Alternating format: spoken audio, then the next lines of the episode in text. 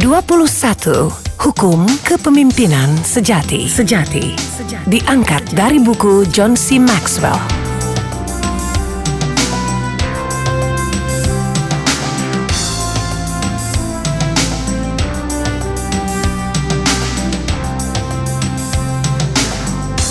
Hukum-hukum ini adalah landasan dari kepemimpinan. Semuanya dapat dipelajari. Masing-masing hukum melengkapi yang lainnya. Terapkanlah, maka orang akan menjadi pengikut Anda. Langgarlah atau abaikanlah, maka Anda tak akan dapat memimpin orang lain.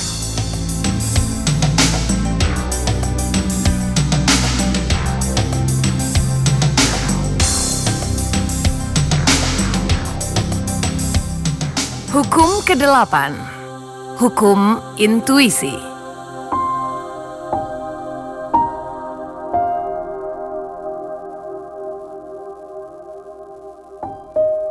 Para pemimpin mengevaluasi segalanya dengan intuisi seorang pemimpin.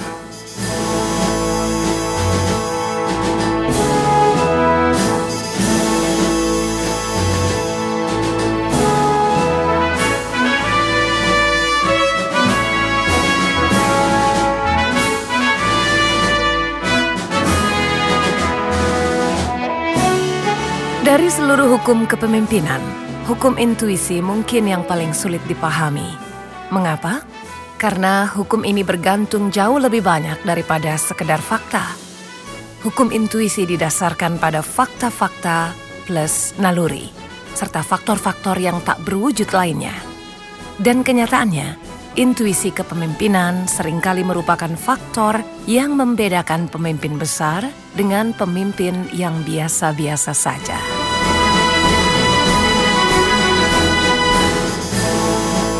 Dalam permainan rugby, semua quarterback profesional memiliki talenta fisik.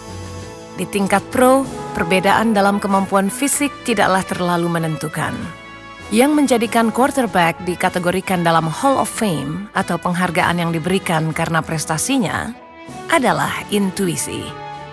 Para pemain hebat dapat melihat hal-hal yang tak dapat dilihat yang lainnya, mengadakan perubahan-perubahan, dan terus maju sebelum yang lainnya tahu apa yang terjadi.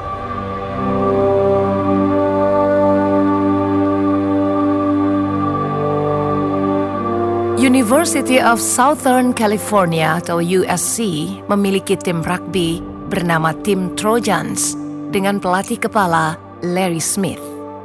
Mereka memiliki ruang perang ofensif di mana terdapat papan tulis yang menutupi seluruh dindingnya. Dan di papan tulis itu, para pelatih telah menggambarkan setiap situasi yang mungkin dialami tim mereka. Untuk setiap situasi, para pelatih telah menggambarkan taktik permainan yang spesifik yang dirancang untuk meraih sukses berdasarkan pengalaman bertahun-tahun serta pengetahuan intuitif mereka akan permainannya. Taktik-taktik permainan itu akan mereka terapkan untuk meraih kemenangan. Ketiga quarterback dari tim USC harus menghafal setiap taktik permainan tersebut. Pada malam sebelum pertandingan, para pelatih menjelaskan situasi demi situasi kepada ketiga quarterback itu. Dan para quarterback dituntut untuk menentukan taktik permainan yang mana yang harus diterapkan.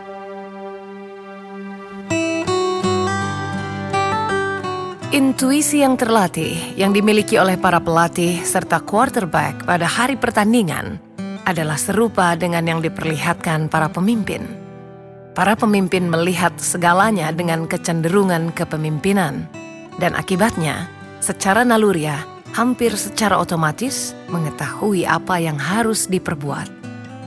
Anda dapat melihat naluri baca dan bereaksi ini dalam diri semua pemimpin besar.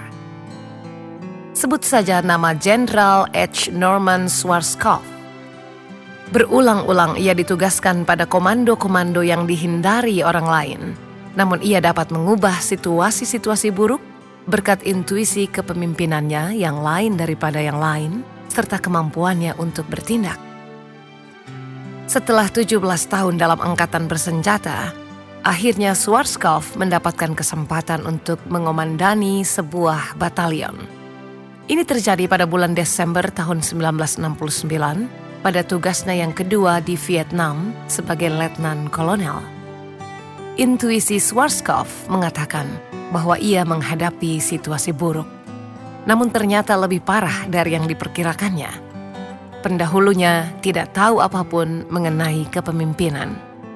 Berdasarkan uraian Schwarzkopf, komandan yang sebelumnya tidak mampu membaca situasi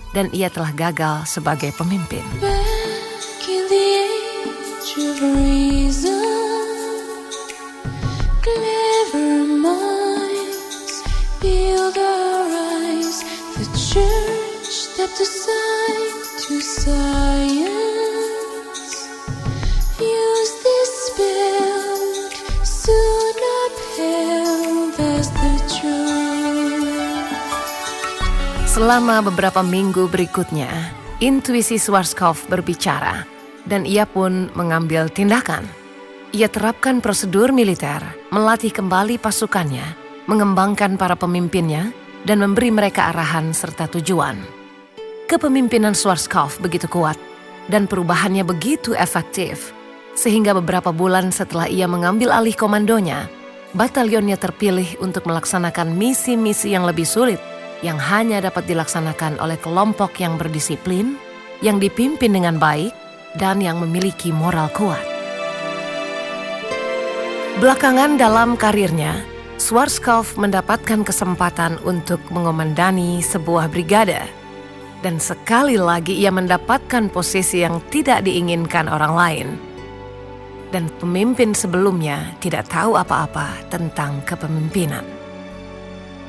Intuisi kepemimpinan Schwarzkopf mengatakan bahwa orang-orang yang dipimpinnya di brigade tersebut adalah orang-orang baik.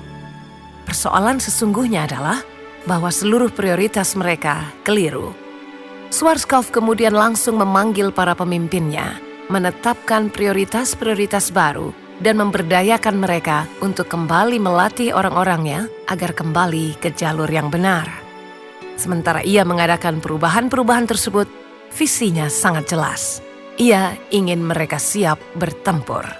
Dan Schwarzkopf sukses.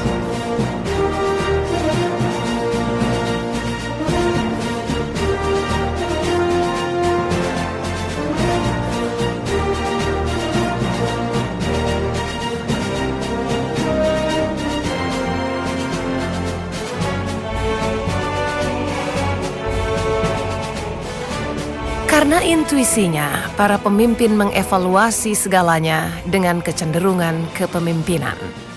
Ada orang yang memang dilahirkan dengan intuisi kepemimpinan yang kuat, sementara yang lain harus bekerja keras untuk mengembangkan serta mengasahnya.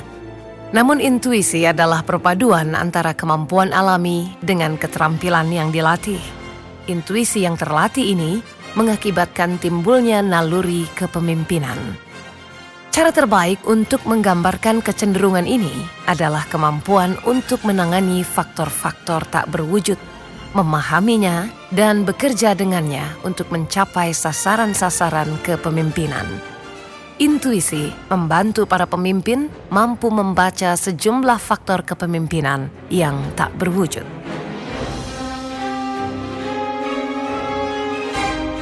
Dalam segala keadaan, para pemimpin menangkap detil-detil situasi yang tidak ditangkap oleh yang lain.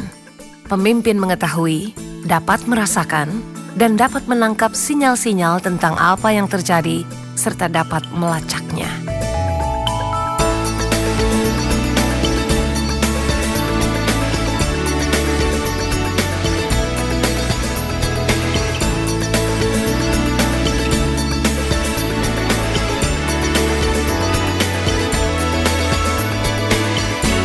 Lalu hukum apa lagi kah yang perlu diperhatikan? Ikuti terus 21 Hukum Kepemimpinan Sejati dari John C. Maxwell. Saya Nadia Ardiwinata. Sampai jumpa.